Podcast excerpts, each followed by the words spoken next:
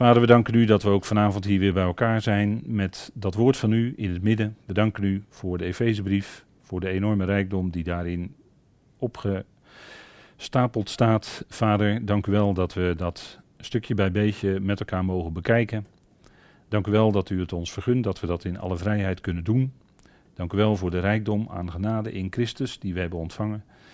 Vader, dank u wel voor de roeping waarmee u ons roept, een hele hoge roeping in Christus Jezus. We danken u dat u ons daarvoor gereed maakt, dag aan dag, en dat we nu al iets mogen bekendmaken dat u ons wil gebruiken, Vader, als gemeente, wereldwijd lichaam van Christus, wil gebruiken om aan de hemelse machten en krachten uw wijsheid bekend te maken. Vader, dank u wel voor dat geweldige plan van u, uw voornemen. Dank u wel dat we ook daar vanavond bij stil mogen staan. Dank u wel dat u ons daarin wilt leiden door uw geest. En we bidden u om de geest van wijsheid en onthulling in de erkenning van u. Dat we daardoor dieper mogen verstaan wat uw woord bedoelt te zeggen. Uit onszelf kunnen we dat niet. Dank u wel dat u ons u dat geeft. En we danken u, Vader, dat we ook mogen bidden om de vervulling met de erkenning van uw wil. Opdat we in alle wijsheid en inzicht van u, u waardig wandelen. U in alles behagen en alle goed werk vrucht mogen dragen. En zo door dat alles heen mogen groeien in de erkenning van uzelf. Vader, mag dat het zijn. Ook mag deze avond iets daartoe bijdragen. Wilt u het gebruiken, Vader? En dank u wel dat uw kracht juist in onze zwakheid wordt volbracht. We danken u dat we hier zo mogen zijn. En dank u ook voor al diegenen die op afstand meekijken en luisteren. Wil ook hen erbij zijn. U kent ieders hart, u kent iedere situatie. Vader, daarin spreekt u dat woord van vertroosting. We danken u daarvoor in de naam van uw geliefde Zoon, onze Heer, Christus Jezus. Amen. Goed, ik wilde met u lezen Efeze 3 en dan vanaf het achtste vers tot en met het dertiende vers. Dat is een stukje waar we nog steeds mee bezig zijn en ik doe dat vanuit de papieren versie. En ik zal proberen al lezend een kleine correctie aan te brengen, omdat het inmiddels in vers 10 en vers 12 al gecorrigeerd was. Dus ik zal dat proberen mee te nemen in het lezen. Ik lees met u Efeze 3 vanaf vers 8.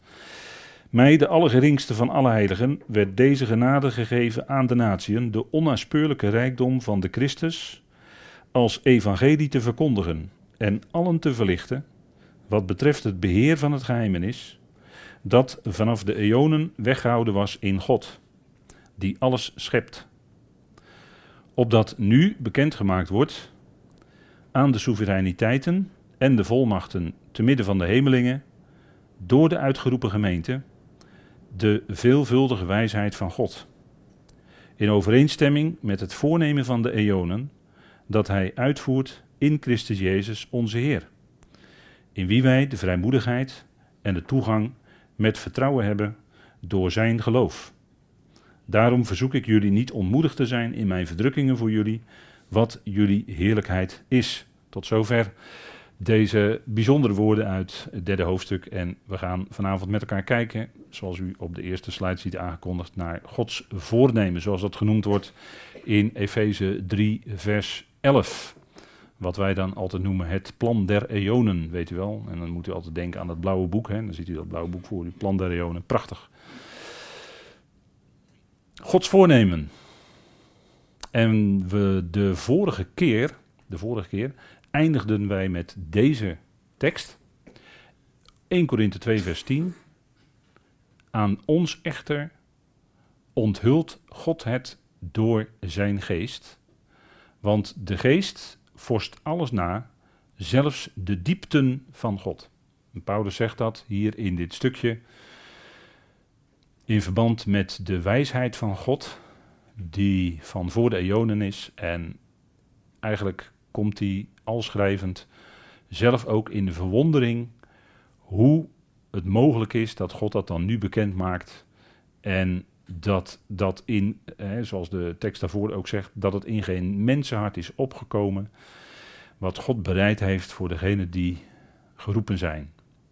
En dan stelt hij vast dat de geest, door zijn geest wordt het onthuld.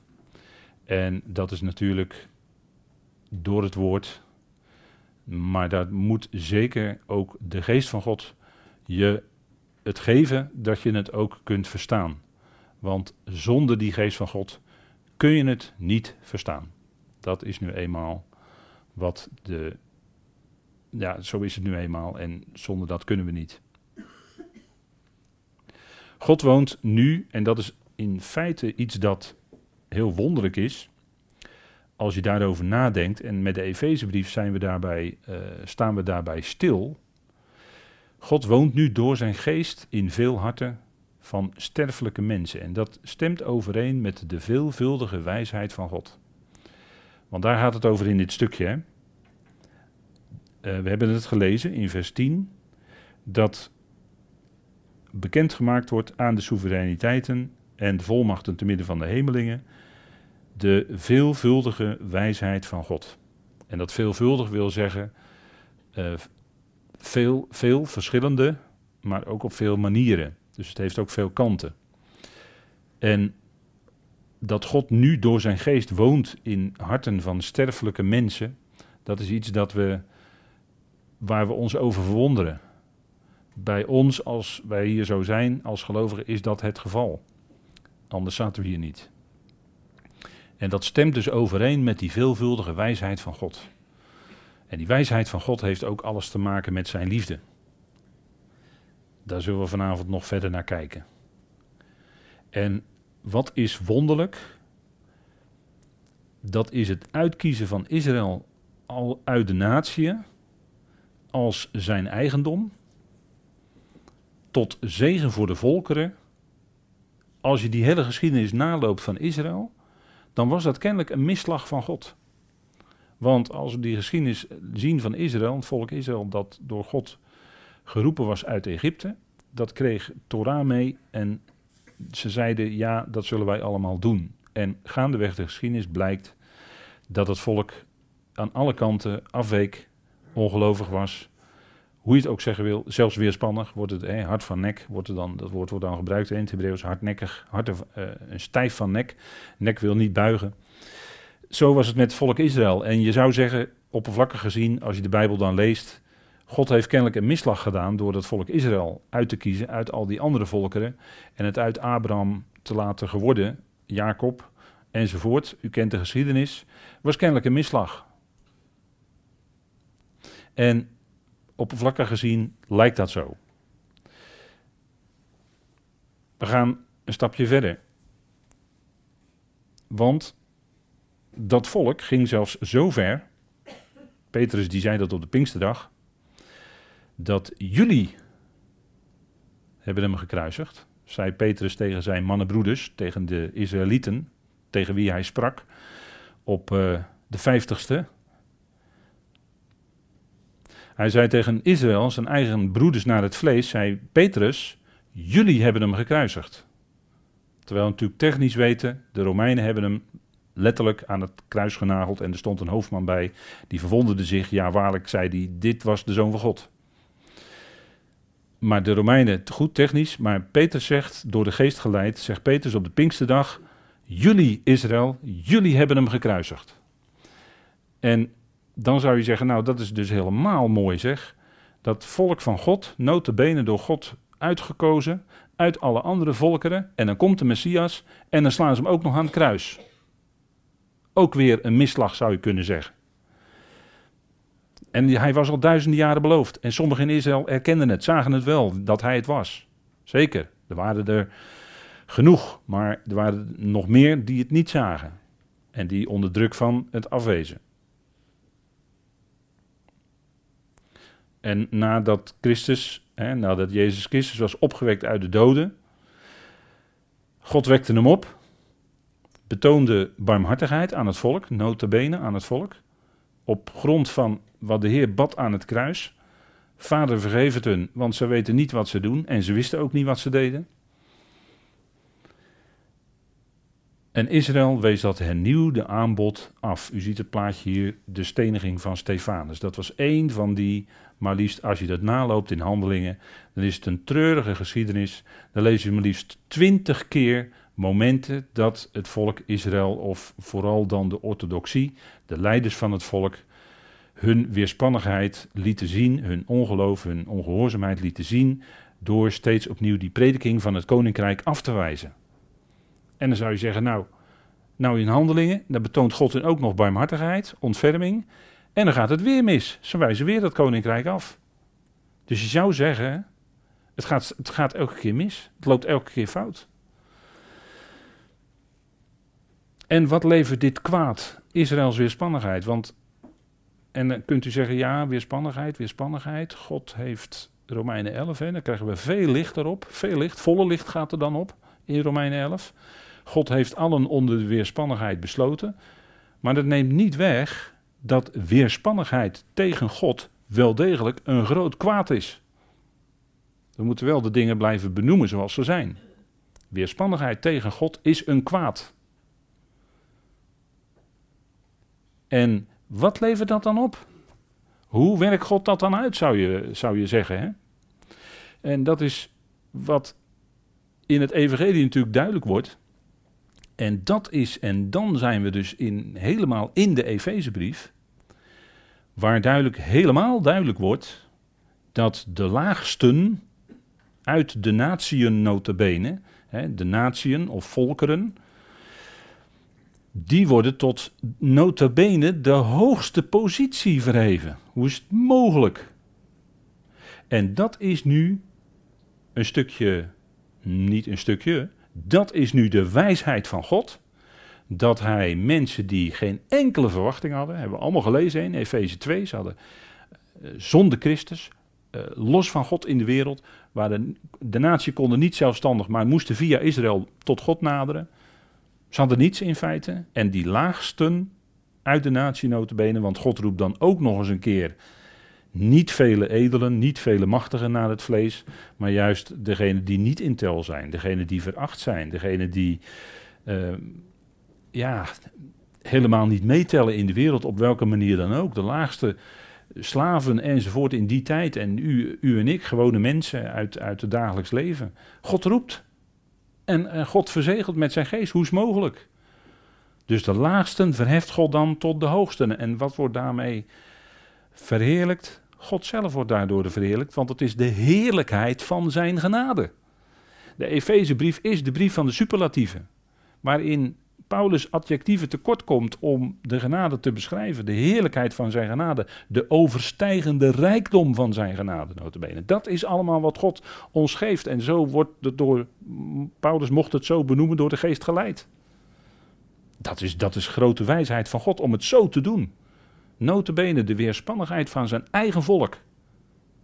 En wat blijkt dan? Heel wonderlijk, God start iets onder de natieën, roept uit, en daar horen u en ik bij. En dat is wereldwijd het lichaam van Christus. Wereldwijd. Wordt al 2000 jaar lang uitgeroepen. En je kunt erover praten met elkaar. Wie wel en wie niet natuurlijk. Daar kun je heel veel over discussiëren met elkaar. En ik zeg niet dat het niet mag of niet moet. Of dat is aan de hand van de schrift best goed om elkaar daarin aan te scherpen. Zeker. Alleen, het punt is, God roept uit. God verzegelt. Want God had al diegenen van het lichaam van Christus al van voor de nederwerping van de wereld uitgekozen. Dat staat aan het begin van de Efezebrief, dus heb je het antwoord.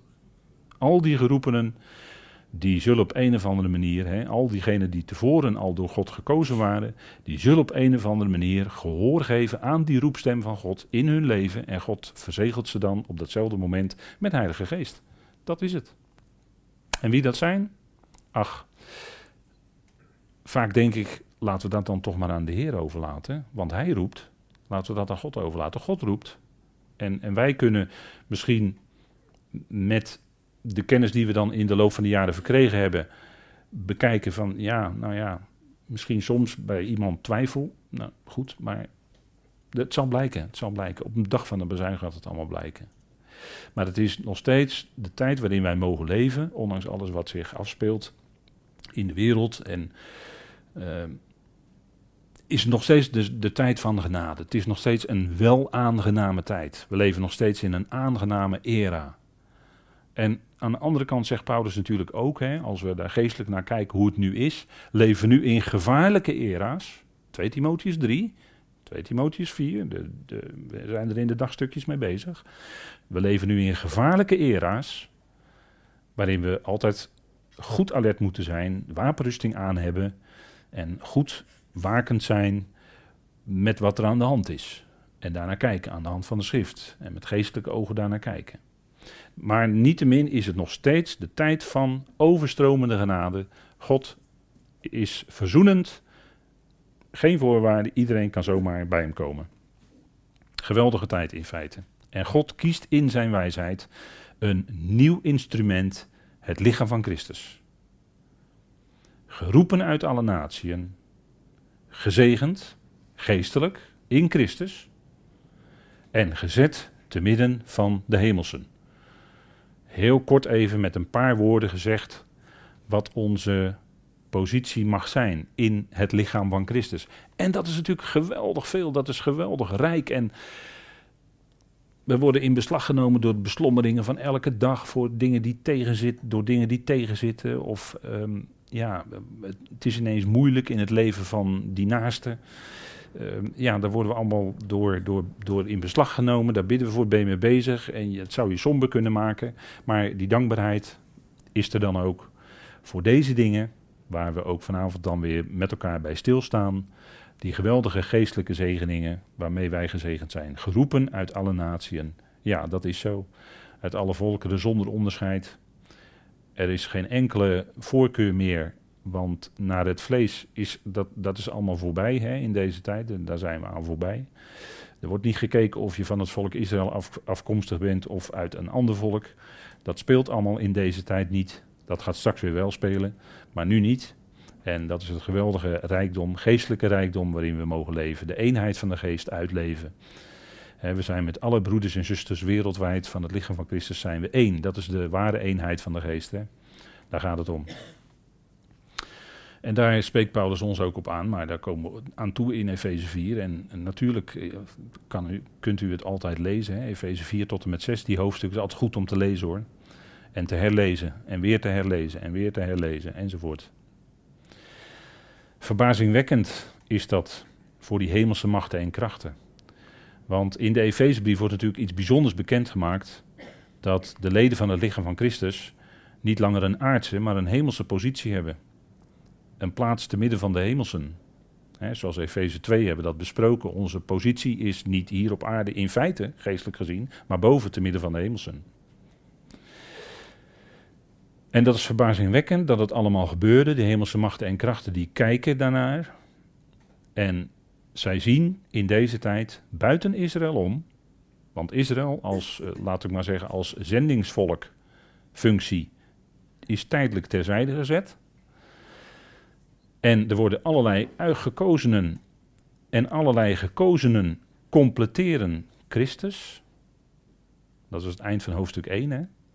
De gemeente die het lichaam van Christus is, die is in wezen het complement van de Christus.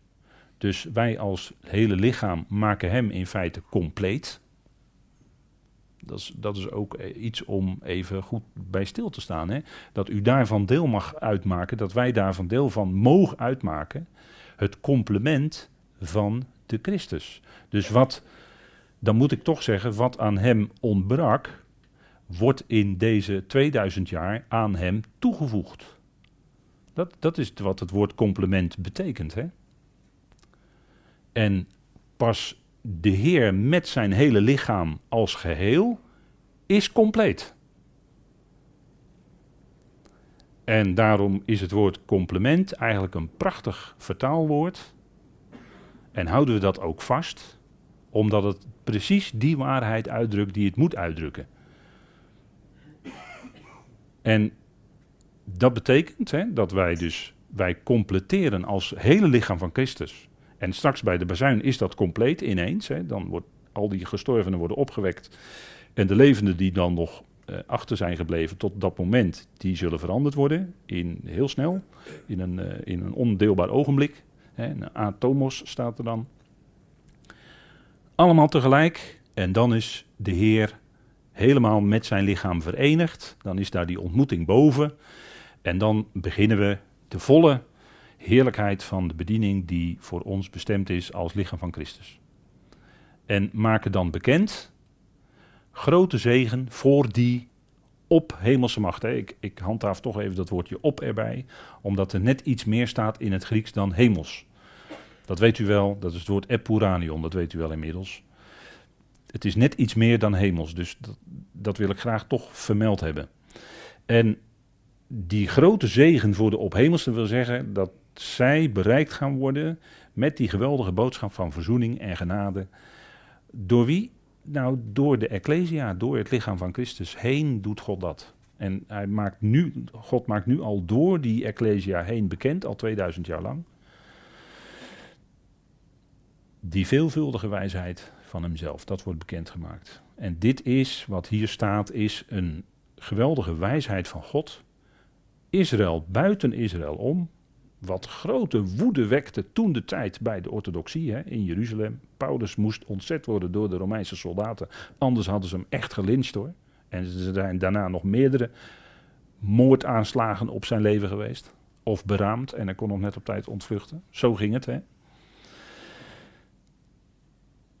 Dus dat had enorme repercussies bij Israël. En buiten Israël om wordt de gemeente dus geroepen en daarom is het ook absurd om te zeggen dat de gemeente of dat de, dat de gelovigen het geestelijk Israël zijn of in de plaats zijn gekomen van Israël. Dat is gewoon absurd. Maar God roept een uniek nieuw instrument, zet zijn aardse volk Israël tijdelijk terzijde om straks de draad weer op te pakken als de gemeente weg is. En dan zullen zij in een bediening komen van koninklijk priesterschap, waarvoor ze ook ooit bedoeld zijn en u kan de teksten denk ik allemaal zelf vinden. Maar dit is een enorme prediking aan de hemels en dat God dus buiten Israël om roept die gekozenen en die Christus, de Christus, completeren. En de hemelse machten en krachten weten heel goed wie de Christus is hoor. Dat weten zij heel goed. Die staat boven hen. Hij is gesteld boven al die hemelse machten en krachten. Hij staat aan de top en ze weten heel goed wie die is. En de genade die door zijn werk naar voren komt, die zal nog verder aan hen bekendgemaakt worden. En dat is alles, die roeping, en wat we nu met elkaar bespreken al uh, heel wat keren in deze Efezebrief, vanuit deze Efezebrief, die roeping is geheel in overeenstemming met, en dat is een uitdrukking die heel regelmatig voorkomt, juist in deze Efezebrief, ik zou bijna willen zeggen opvallend vaak, dat het één in harmonie is met, of dat het één in overeenstemming is met iets anders. ik, daar is een hele lijst van schriftplaatsen van alleen uit de Efezebrief al van te noemen. En dit is een hele belangrijke, want dit wordt gekoppeld, hè, die roeping van de Ecclesia, het lichaam van Christus. En wat de functie, de unieke functie is van de gemeente, dat is in overeenstemming met Gods voornemen van de eonen. En dat is een statement, hè? Gods voornemen van de eonen is de enige keer in heel de schrift dat deze uitdrukking voorkomt. Er wordt wel gesproken over de eonen, bijvoorbeeld in Hebreeën 1 dat God maakt door zijn zoon de eonen. er wordt ten onrechte dan enkelvoud wereld vertaald in de vertalingen, maar er staat meervoud eonen in Hebreeën 1, wat is het, vers 2, 3. Dat God maakt in Christus de eonen, of in zijn zoon moet ik zeggen, daar wordt zo over zoon gesproken. Maar dat is de eonen. Maar hier wordt specifiek die uitdrukking door Paulus gebruikt. Gods voornemen van de eonen. Unieke uitdrukking. Enige keer in heel de schrift. En het is ongelooflijk belangrijk dat we dit voornemen, dat we daar kennis van hebben. Want dit is essentieel om te begrijpen wat God ook in deze tijd aan het doen is. En een voornemen is niet iets wat zoals we dat bij mensen hebben, van je neemt je iets voor uh, wat je morgen gaat doen en er komt iets tussen en het lukt niet. Dat is, dat is nu eenmaal de mens. En dat, dat heeft ook, eh, de, brochure, de wil van God en de wil van mensen, heeft daar natuurlijk alles mee te maken. God heeft een wil en die zet hij door. Die kan hij doorzetten omdat hij God is. Wij hebben een wil, maar dat is maar een heel slap, klein, onbeduidend willetje. Dat stelt niet zoveel voor. En een vrije wil is natuurlijk helemaal een uh, fata morgana. Als we het daarover hebben, vrije wil van de mens. Dat kan helemaal niet. De mens is zo beperkt door allerlei dingen. Die kan never nooit een echte voorkomen vrije wil hebben. Dus dat is gewoon onmogelijk. Kan niet. Maar God heeft een voornemen en God voert dat voornemen ook uit. De mens kan daar tegen ingaan, ja, Farao enzovoort. Maar uiteindelijk wordt Gods wil toch gedaan. Want zijn wil was, laat mijn volk gaan. En volk ging hè, uiteindelijk. Dus zijn wil werd toch gedaan hè, uiteindelijk. Gods voornemen van de eonen, dat is een uitdrukking die hier alleen voorkomt. En Gods voornemen, dat woord voornemen, wat wij dan altijd gemakshalve met plan vertalen, vaak met plan in, in, de, in, in ons spraakgebruik uh, spreken. Gods, dat woord voornemen komt vijf keer voor in de brieven van Paulus. En dan is het ook een, en die zullen we vanavond ook met elkaar zien. Als we het hebben over de eonen, dat is ook in de, de veel vertalingen verduisterd geworden, doordat men spreekt over de eeuwigheid. Of men spreekt over de eeuwigheid van de eeuwigheden. Nou, dat kan helemaal niet. Dat is gewoon een absurde uitdrukking. Je kunt maar één eeuwigheid hebben. Dat is al zonder begin en zonder einde. Dus eeuwigheid in het meervoud, dat is absoluut onmogelijk. Er kunnen niet meerdere eeuwigheden zijn. Dat is, dat is als je de filosofische gedachte die daaraan vast wordt gekoppeld, hè, de eeuwigheid is zonder begin, zonder einde, dan kun je niet de meervoud hebben. Dan kun je maar één eeuwigheid hebben. Dus dat, dat klopt al van geen kanten natuurlijk. Hè. Als het in de schrift in meervoud gebruikt wordt, loop je al helemaal vast met je redenering. Het gaat dan ook in de schrift eonen, dat blijkt, dat zijn bepaalde, soms lange, hele lange periodes van tijd, maar daar komt wel een einde aan. De schrift spreekt zelfs over de einden, meervoud, van de eonen, meervoud. Of de voleinding, dat is dan enkelvoud, van de eonen. De bekende tekst uit Hebreeën 9, vers 26. De voleinding van de eonen. Dan zal God de zonde definitief uit zijn schepping verwijderen en die komt ook nooit meer terug. Dus die heel, dat hele gedachte van eeuwigheid, dat via de vertalingen, via kerkelijk denken uh, erin is geslopen, ja, dat wordt door de schrift zelf nadrukkelijk weersproken. Het staat er niet. Het staat er niet. Kijk, en voor de eonen, voor de eonen, want daar wordt ook over gesproken in de schrift, over, ja, dan kun je eigenlijk niet meer spreken van tijd, maar voor ons, in ons begrip zeggen wij dan, er was een tijd voor de eonen, was God alles in zichzelf. Dat was ja, voor, voor het eerste begin. En Titus die zegt daar ook iets over. Paulus, als Paulus aan Titus schrijft, bedoel ik, dan staat daar in Titus 1 vers 2 dat we geroepen zijn in verwachting van eonisch leven. Dat de niet liegende God, ik vind dat wel een mooie uitdrukking, de niet liegende God voor eonische tijden belooft. En dan zeggen wij in onze vertaling beloofd heeft. Hè, de vertalen we met de voltooid tegenwoordige tijd. Maar in feite staat daar een aoristus, dus dat is een feit. Het is een feit. Het staat er als een feit. Dus je mag ook gewoon vertalen. Een onvoltooid tegenwoordige tijd, voor eonische tijden, belooft. Dat is een feit. Het staat er als een feit. God belooft het. En maakt dat ook waar. En hij geeft aan iedere geroepene eonisch leven. En hij maakt, weer een aorist, u ziet het aan het uh, horizontale streepje wat ervoor staat. Hij maakt echter zijn woord openbaar in de juiste era's door de heroudsboodschap. En die juiste era's die waren door God dus van voor de eonen al bepaald. Wat die juiste era's zouden zijn. Want hier staat dat de niet-liggende God voor eonische tijden belooft. En in die eonische tijden maakt hij ook waar wat hij beloofd heeft. Natuurlijk, God liegt niet, dus hij maakt waar wat hij beloofd heeft. Ik bedoel, dat is 1 plus 1 is 2 voor ons als gelovigen.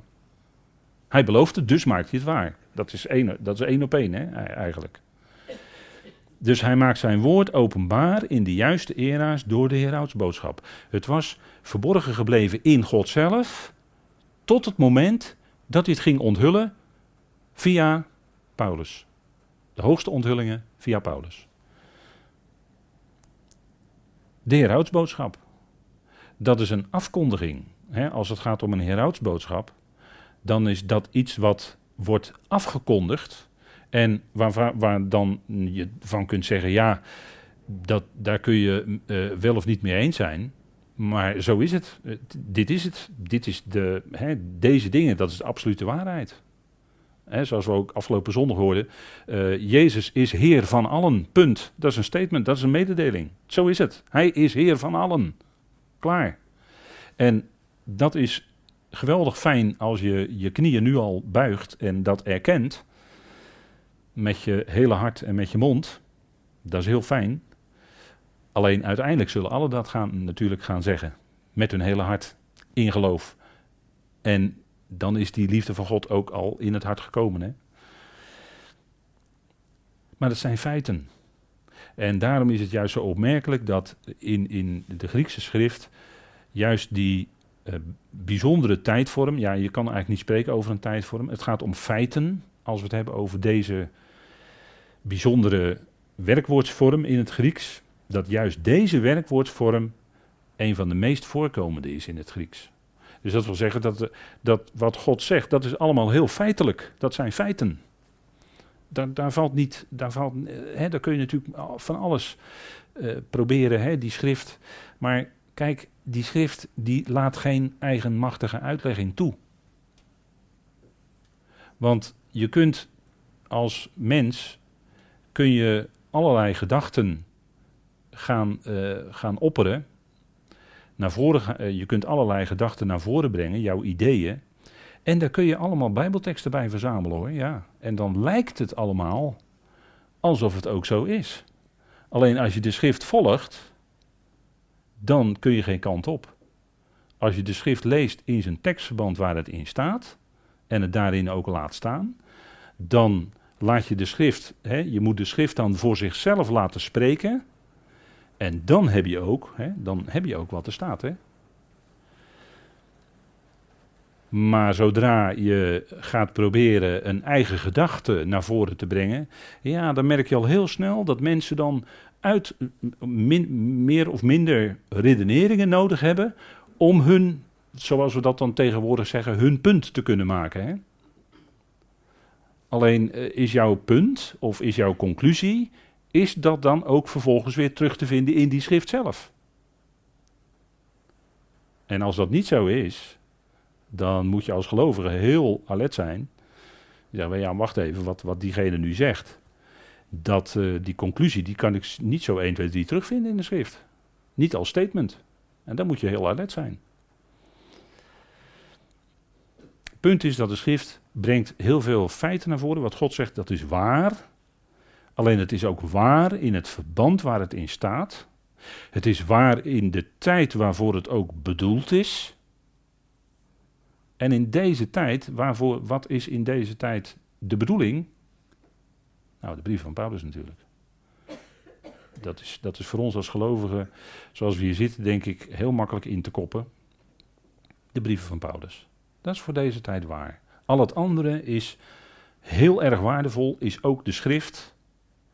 Alleen is niet voor deze tijd bedoeld en is ook niet voor ons bedoeld, is meeste, de rest van de schrift is het meeste voor het volk Israël bedoeld in de eerste plaats. En is allemaal ons ter lering gegeven. Maar wat direct op ons van toepassing is, en wat wij ons dus kunnen aantrekken, dat, is, dat zijn die brieven van Paulus. Dat is de waarheid voor vandaag. En wil je dat gaan mixen met andere dingen, wil je dat gaan uh, verdunnen op een of andere manier, dan raak je het kwijt. En dan ben je niet meer bij die volle waarheid. Maar dan slip je daaruit weg. En daar, dan, dan ga je daarvan ook afwijken. En vandaar dat Paulus in die Timotheusbrief dringend tegen Timotheus zegt: Jij, Timotheus, blijf bij wat je geleerd hebt en van wie je het geleerd hebt. Daarbij zou je blijven. En daarbij zouden wij ook blijven. Ik denk dat dat een hele dringende dringend advies is van de apostel Paulus. En degenen die van, daarvan afwijken, ja, die wijken dus af. Dat waren onder meer de Galaten. Die weken af. En daardoor was Paulus niet meer in gemeentes welkom. Dat lag niet aan Paulus, dat lag aan die gemeente en de dwaalleraren die daar in die gemeentes gekomen waren. Daar lag het aan. Ze, ze volgden niet langer de apostel Paulus. En dat gaf de, eh, ja, laat ik maar zeggen, dat gaf het ongemak. Hè? Hoe moet ik dat noemen? Ongemak. Maar dat leidde tot verwijdering. Dat leidde tot verwijdering, ja. ja. De afwijking van het evangelie zoals Paulus dat gebracht had, dat bracht verwijdering. Ja. En daar zit natuurlijk de tegenwerker, die zit daar natuurlijk op het vinkentouw, hè, om, dat, om dat te willen bewerkstelligen, dat gelovigen uit elkaar gespeeld worden, dat enzovoort. En de tegenwerker zit ook heel erg op het vinkentouw dat gelovigen niet blijven bij de brieven van Paulus, maar dat vermengen met allerlei andere dingen. Dat is ook werk van de tegenwerker hoor. Dus dit zijn natuurlijk allemaal geestelijke dingen waar we het over hebben. En eh, het punt is, kijk, het wordt nu verkondigd door zijn woord in de juiste era's door de heroudsboodschap. Nou, dit is duidelijk over wat dat dan is. De heroudsboodschap voor deze tijd. Dus denk ik duidelijk. Ga naar 2 Timotheus 1, vers 1. En daar wordt ook gesproken over leven. Leven in Christus Jezus. Paulus, apostel van Christus Jezus door de wil van God. In overeenstemming met de belofte van leven dat is in Christus Jezus. dat woordje is staat niet letterlijk in de grondtekst, vandaar dat ik het even iets grijs heb gezet in deze tekst. dat in Christus Jezus. Het leven dat in Christus Jezus. Waar is echt waarachtig leven? Nou, in Hem.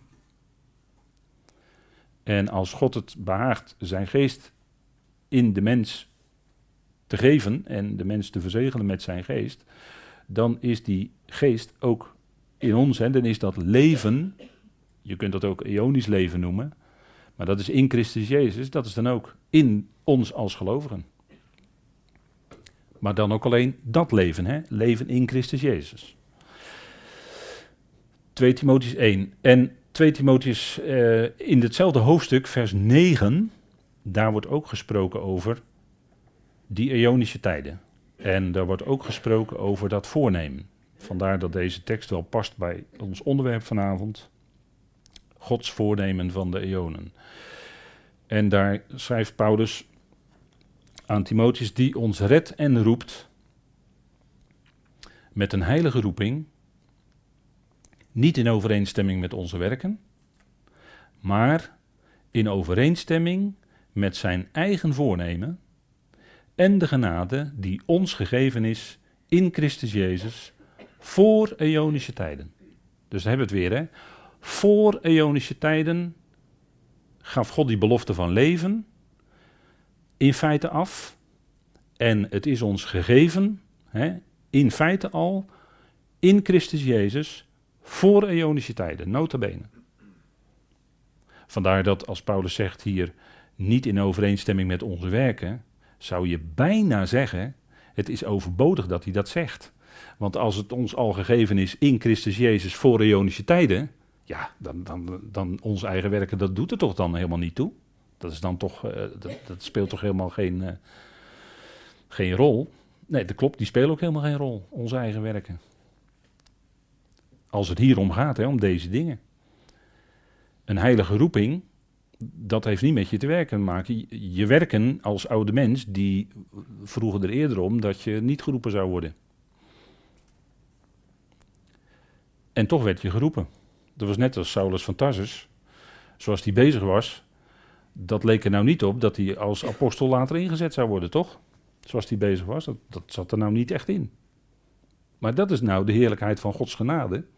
Dat hij zo'n weerspannig mens neemt, zo'n weerspannig mens, die echt op weg is om eh, de gelovigen te vervolgen, de gemeente van God, om die dan precies te roepen op weg naar Damascus, en hem in te zetten, nota bene hem in te zetten als apostel van de natieën. Nota bene, dat is de heerlijkheid van Gods genade. Daar hebben we het dan wel over.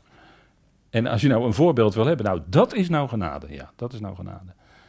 En zo is het ook bij ons. Onze werken in ons oude leventje, in ons eigen oude ikkie, ja, dat, dat leek er nou niet op. Dat leek er nou niet op dat, dat we, want ja, op grond van daarvan zouden we zeker niet geroepen worden als, als dat de basis zou moeten zijn. Nee, maar daarom is het ook genade. Dat is, dat is natuurlijk het geweldige. Hè? De genade die ons gegeven is in Christus Jezus, nota bene, als een feit staat het ook hier. Hè? U ziet het horizontale streepje er weer bij. Red, roept, allemaal feiten, het is allemaal vanuit God. En wij zijn daar voorwerp van. Nou, dat is natuurlijk geweldig.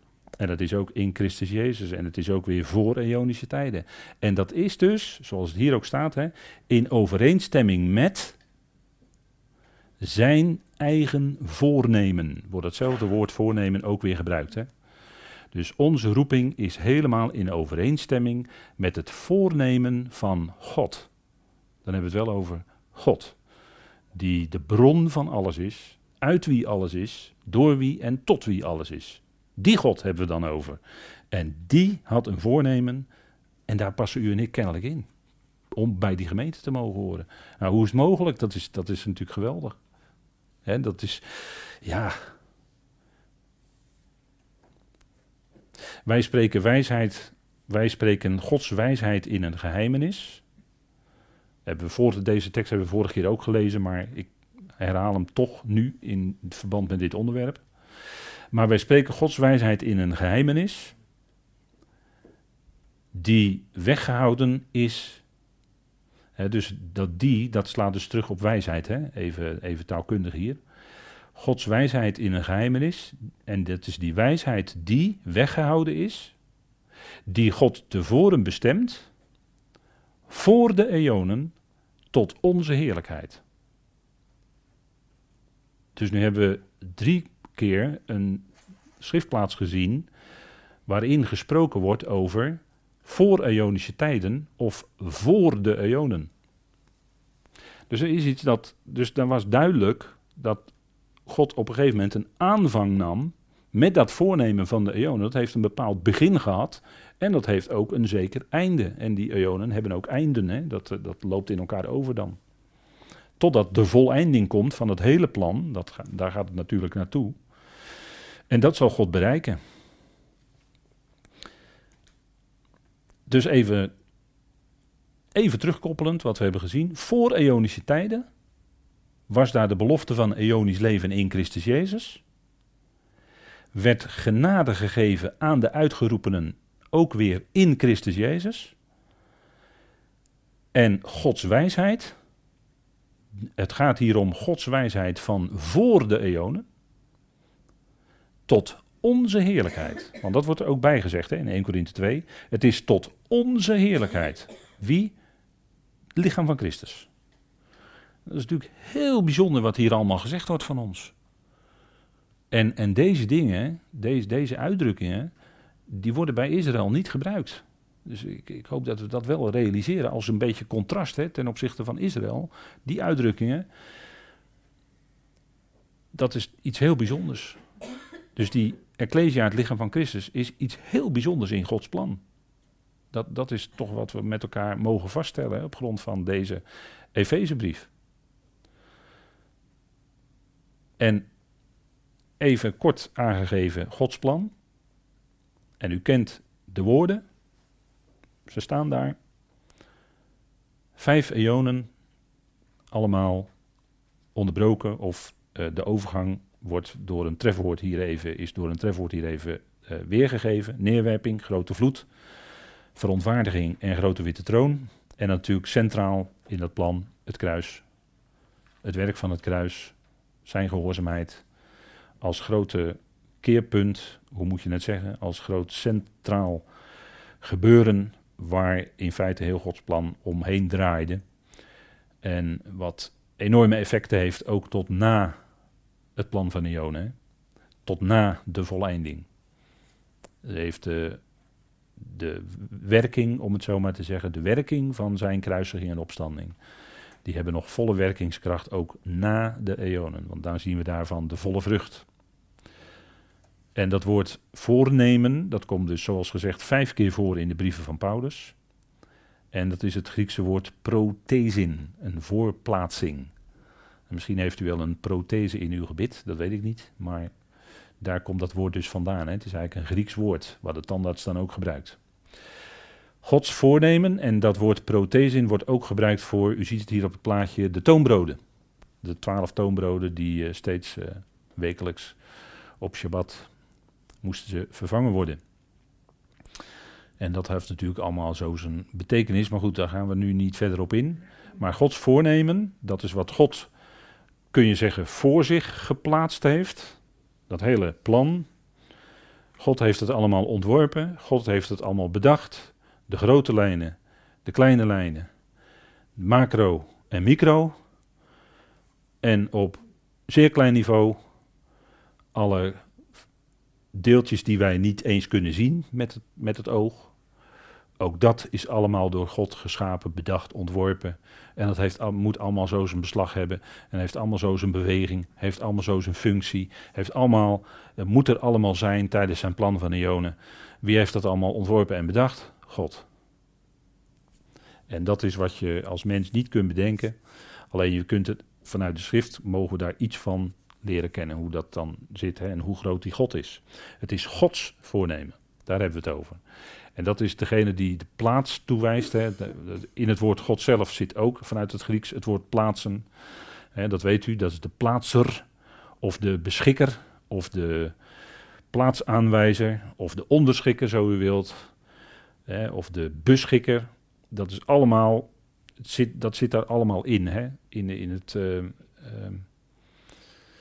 uh, ja, Gods naam, hè, Hashem, Gods naam, Gods titels. Het heeft allemaal te maken met het feit dat Hij de grote plaatser is, dat Hij de grote beschikker is. En natuurlijk, al zijn wegen komen voort uit zijn hart. En zijn hart is liefde. Dus dat hele plan, zijn geweldige voornemen, komt ook voort uit zijn hart van liefde. Want daar gaat het uiteindelijk natuurlijk allemaal om. Dat die schepselen die liefde van God gaan verstaan en die liefde ook gaan beantwoorden. En zullen zijn allemaal tot lofprijs van zijn heerlijkheid. wij mogen dat nu al een klein beetje zijn in onze zwakheid, toch tot lofprijs van zijn heerlijkheid. En straks zullen we dat in volheid mogen zijn als we verheerlijk zijn bij Hem. Goed, ik uh, denk dat het goed is om nu even met elkaar te pauzeren. En dan gaan we zo meteen weer verder met dit onderwerp.